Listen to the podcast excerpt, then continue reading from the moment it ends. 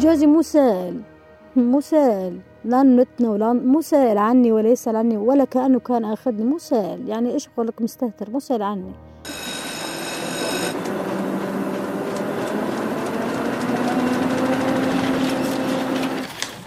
عنب بلدي. بودكاست. الزواج اللي بيقبله المجتمع بالرغم من إنه مرفوض شرعا وغير أخلاقي بتاتا هو الزواج بالإكراه. حالة موجودة من زمان. ما فينا ننكرها. بحجة إنه الأهل أو الأخوة أو أي فرد من العيلة أدرى بمصلحة البنت منا. وللأسف الظروف الصعبة اللي مروا فيها الناس خلال الحرب بسوريا ومع عدم وجود مفهوم واضح للقاصر ضمن مناطق الشمال السوري بالقانون زادت هالظاهرة وانتشرت الفوضى بهالموضوع أكثر من قبل بكل سوريا مو بس بالشمال السوري. يعني ممكن القاصر تتزوج بمحكمة شرعية بوجود أحد الأولياء إذا كان عمرها 16 أو 17 إذا كانت تحت ال 15 بيزوجوها بتقرير طبي بيثبت سلامتها الجسدية وبس. نسبة الزواج العشوائي أو الزواج بالإكراه ارتفعت من 7% قبل 2011 ل 30% بال 2015 بحسب تقرير للمركز السوري للدراسات والأبحاث.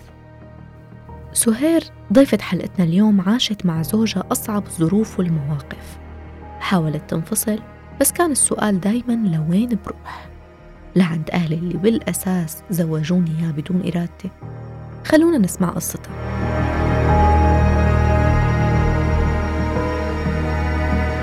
أنا تجوزت عمري 22 سنة وأخذت قدامي في ثلاث نسوان.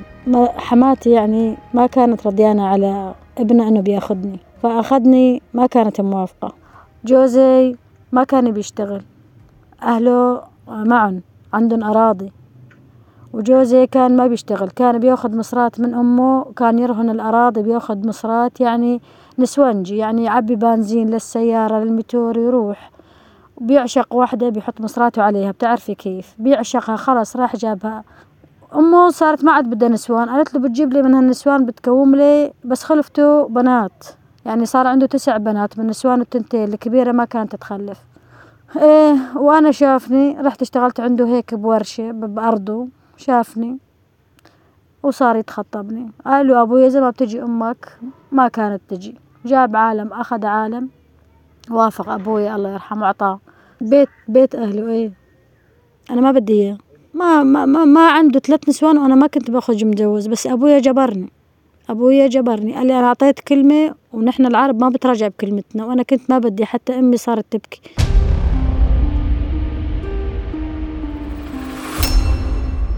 أول ليلة عنده ما كانت أول ليلة ولا تاني ليلة ولا خا... تميت أسبوع. تميت أسبوع أنا وياه متقاتلين. وقلت له بدي أرجع ثاني يوم. قال لي ارجعي لعند أهلك. دق على أبويا قال له بنتك بدها تجي على البيت. احكي مع بنتك. إذا رجعت لك على البيت أنا ما لمست بس ما بتخلصوا من حكي العالم. ونحن عنا سبع بنات خوات. نحن سبعة. قال لي إذا ترجعي لعند أهلك العالم اللي بده يقولوا ليش رجعت؟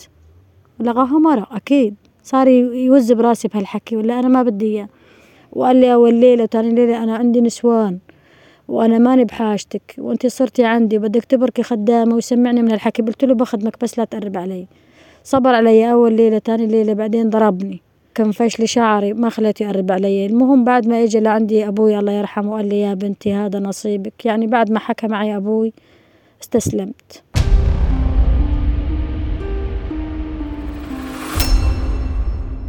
أمه ضربتني بعد ما تجوزت جوزي تم عندي أربع شهور وطلع على المغرب.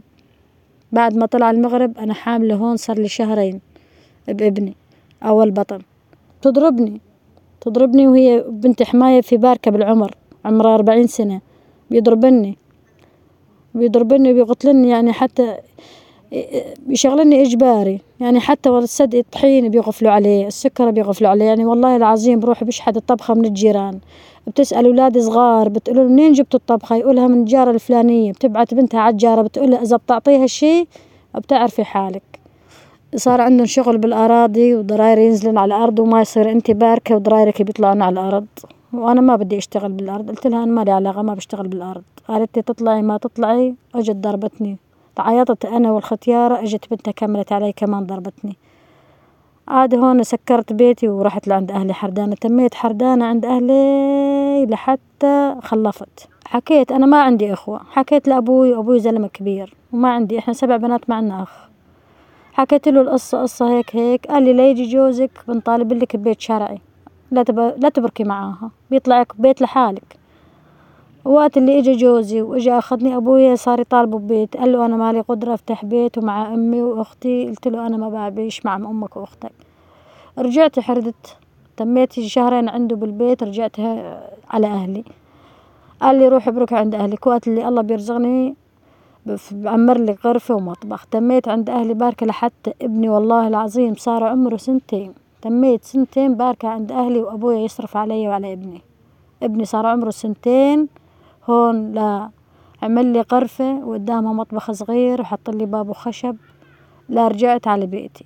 بعد ما رجعت على بيتي بعد سنتين بعد أربع شهور خمسة شهور بلشت المشاكل بيني وبينها صارت تقفل مطبخ المونة.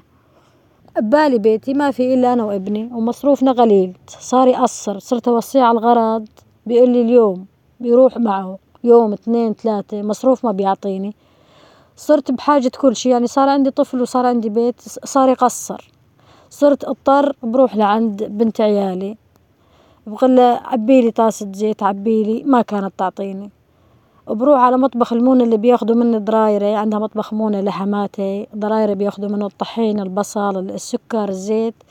عملت له قفل ومفتاح وصارت تقفل. قالت لي انت مطلعتي روحي على جوزك يجيب لك. وجوزي ما كان يلفي على البيت. يجيني الساعة تنتين الصبح وما كان يلفي. بقول له جيب لي هالغرض.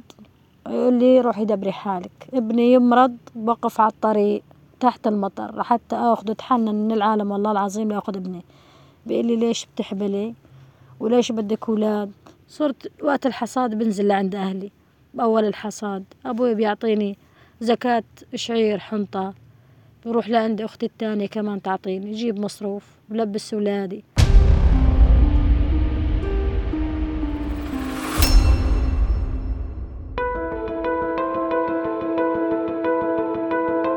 سهير كانت ضحية قرار مو قرارة.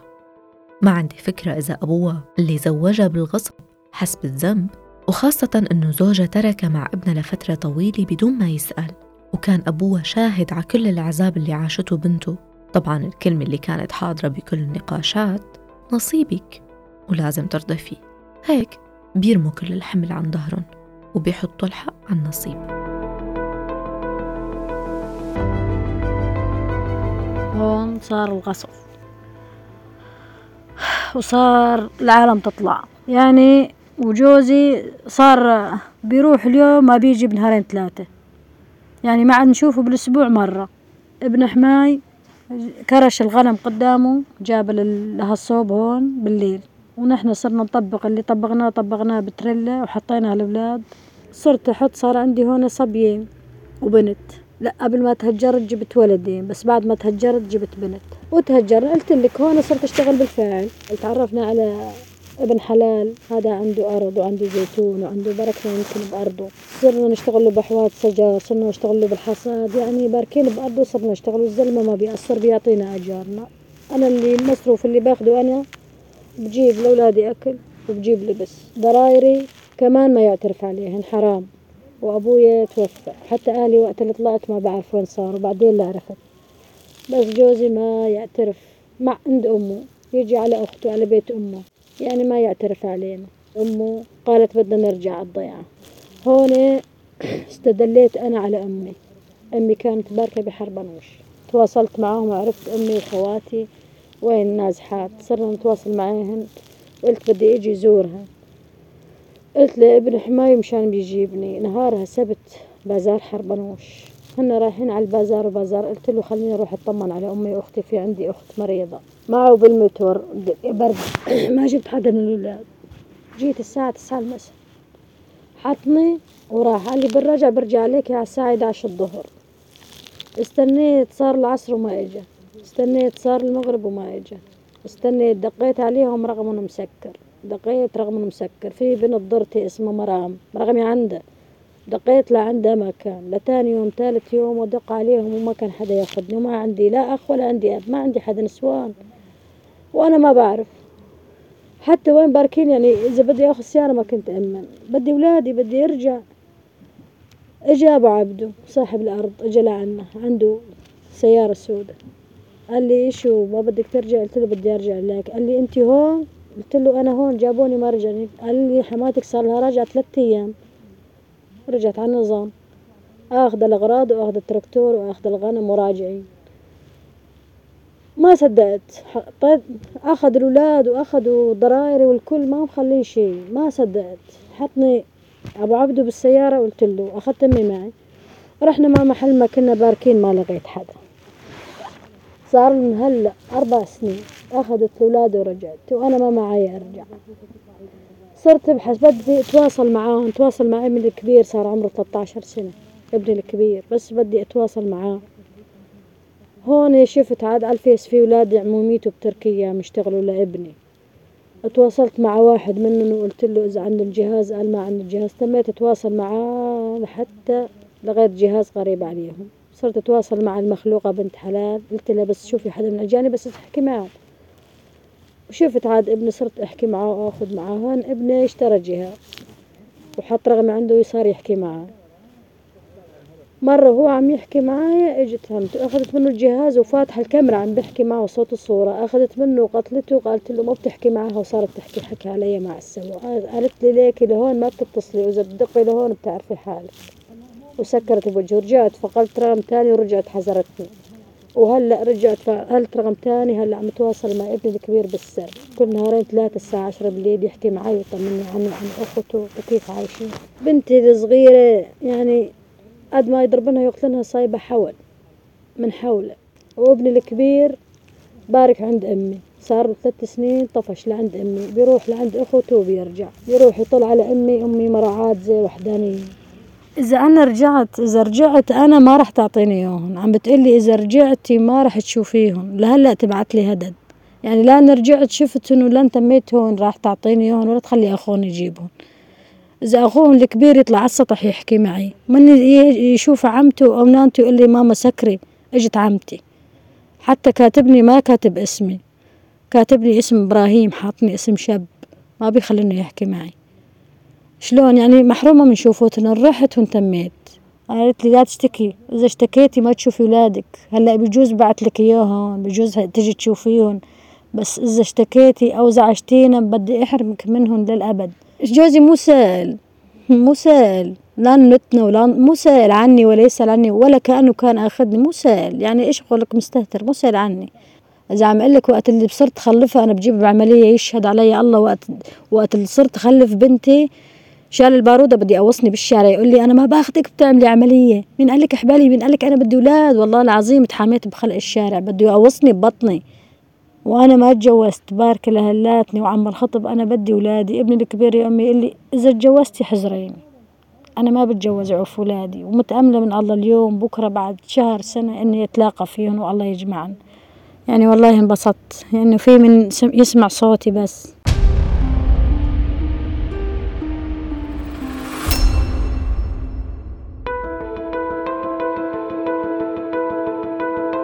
الوضع من سيء لأسوأ. وهلأ صار عندها ثلاث أولاد. مسؤولة عنهم لحالها. لا زوجها اللي قبل على حاله يتزوجها بالغصب ولا أبوها اللي زوجها بالغصب موجود. والنتيجة خسرت حياتها وخسرت أولادها وما ضل شي تتأمل فيه. حكينا مع الباحث الاجتماعي محمد سلوم لنتعرف على الأسباب اللي بتخلي المجتمع يروح باتجاه تزويج البنت بالغصب. ولنحاول نوصل لحل جذري ممكن يصير.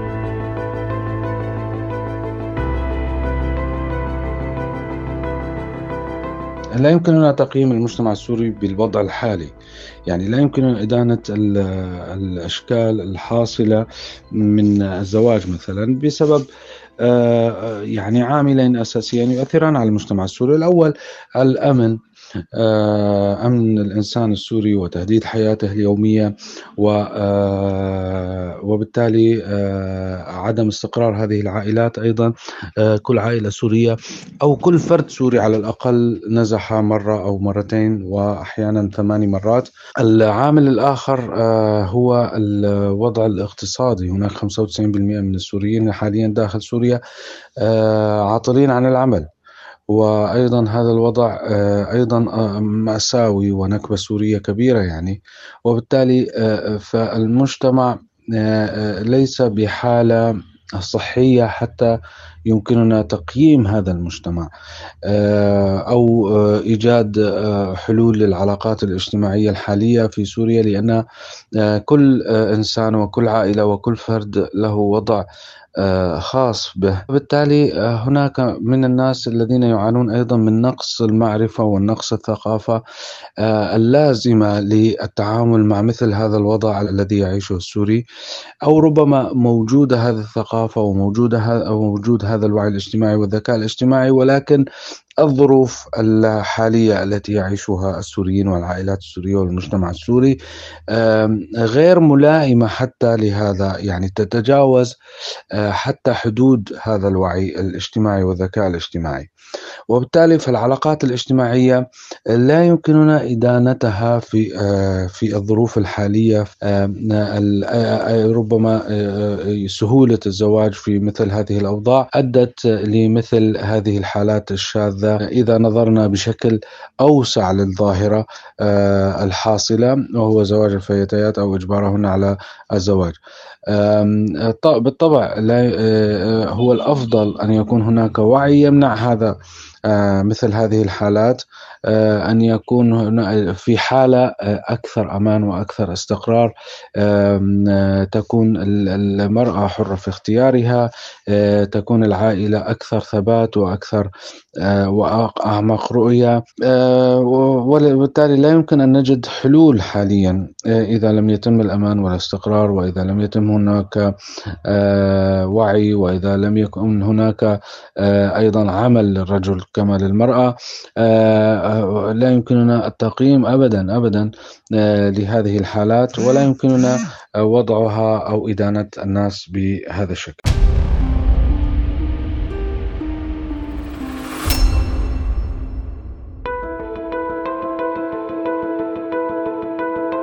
الحالة للأسف مو سهل تتغير لأنه هالعادة موجودة من زمان كتير وتعتبر جزء من العادات المتوارثة يمكن من مئات السنوات.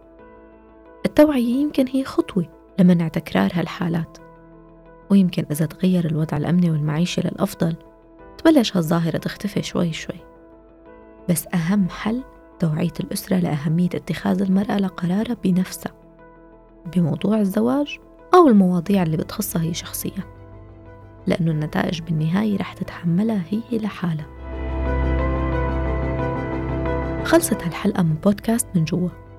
بس لسه في قصص كتير مخباية إذا حابين تسمعوها استنونا بالحلقات الجاي. فيكن تسمعوا الحلقات من خلال موقع عنب بلدي بودكاست أو عبر منصاتنا على أبل بودكاست، جوجل بودكاست، ساوند كلاود وستيتشر. كنت معكم أنا سكينة المهدي من عنب بلدي بودكاست.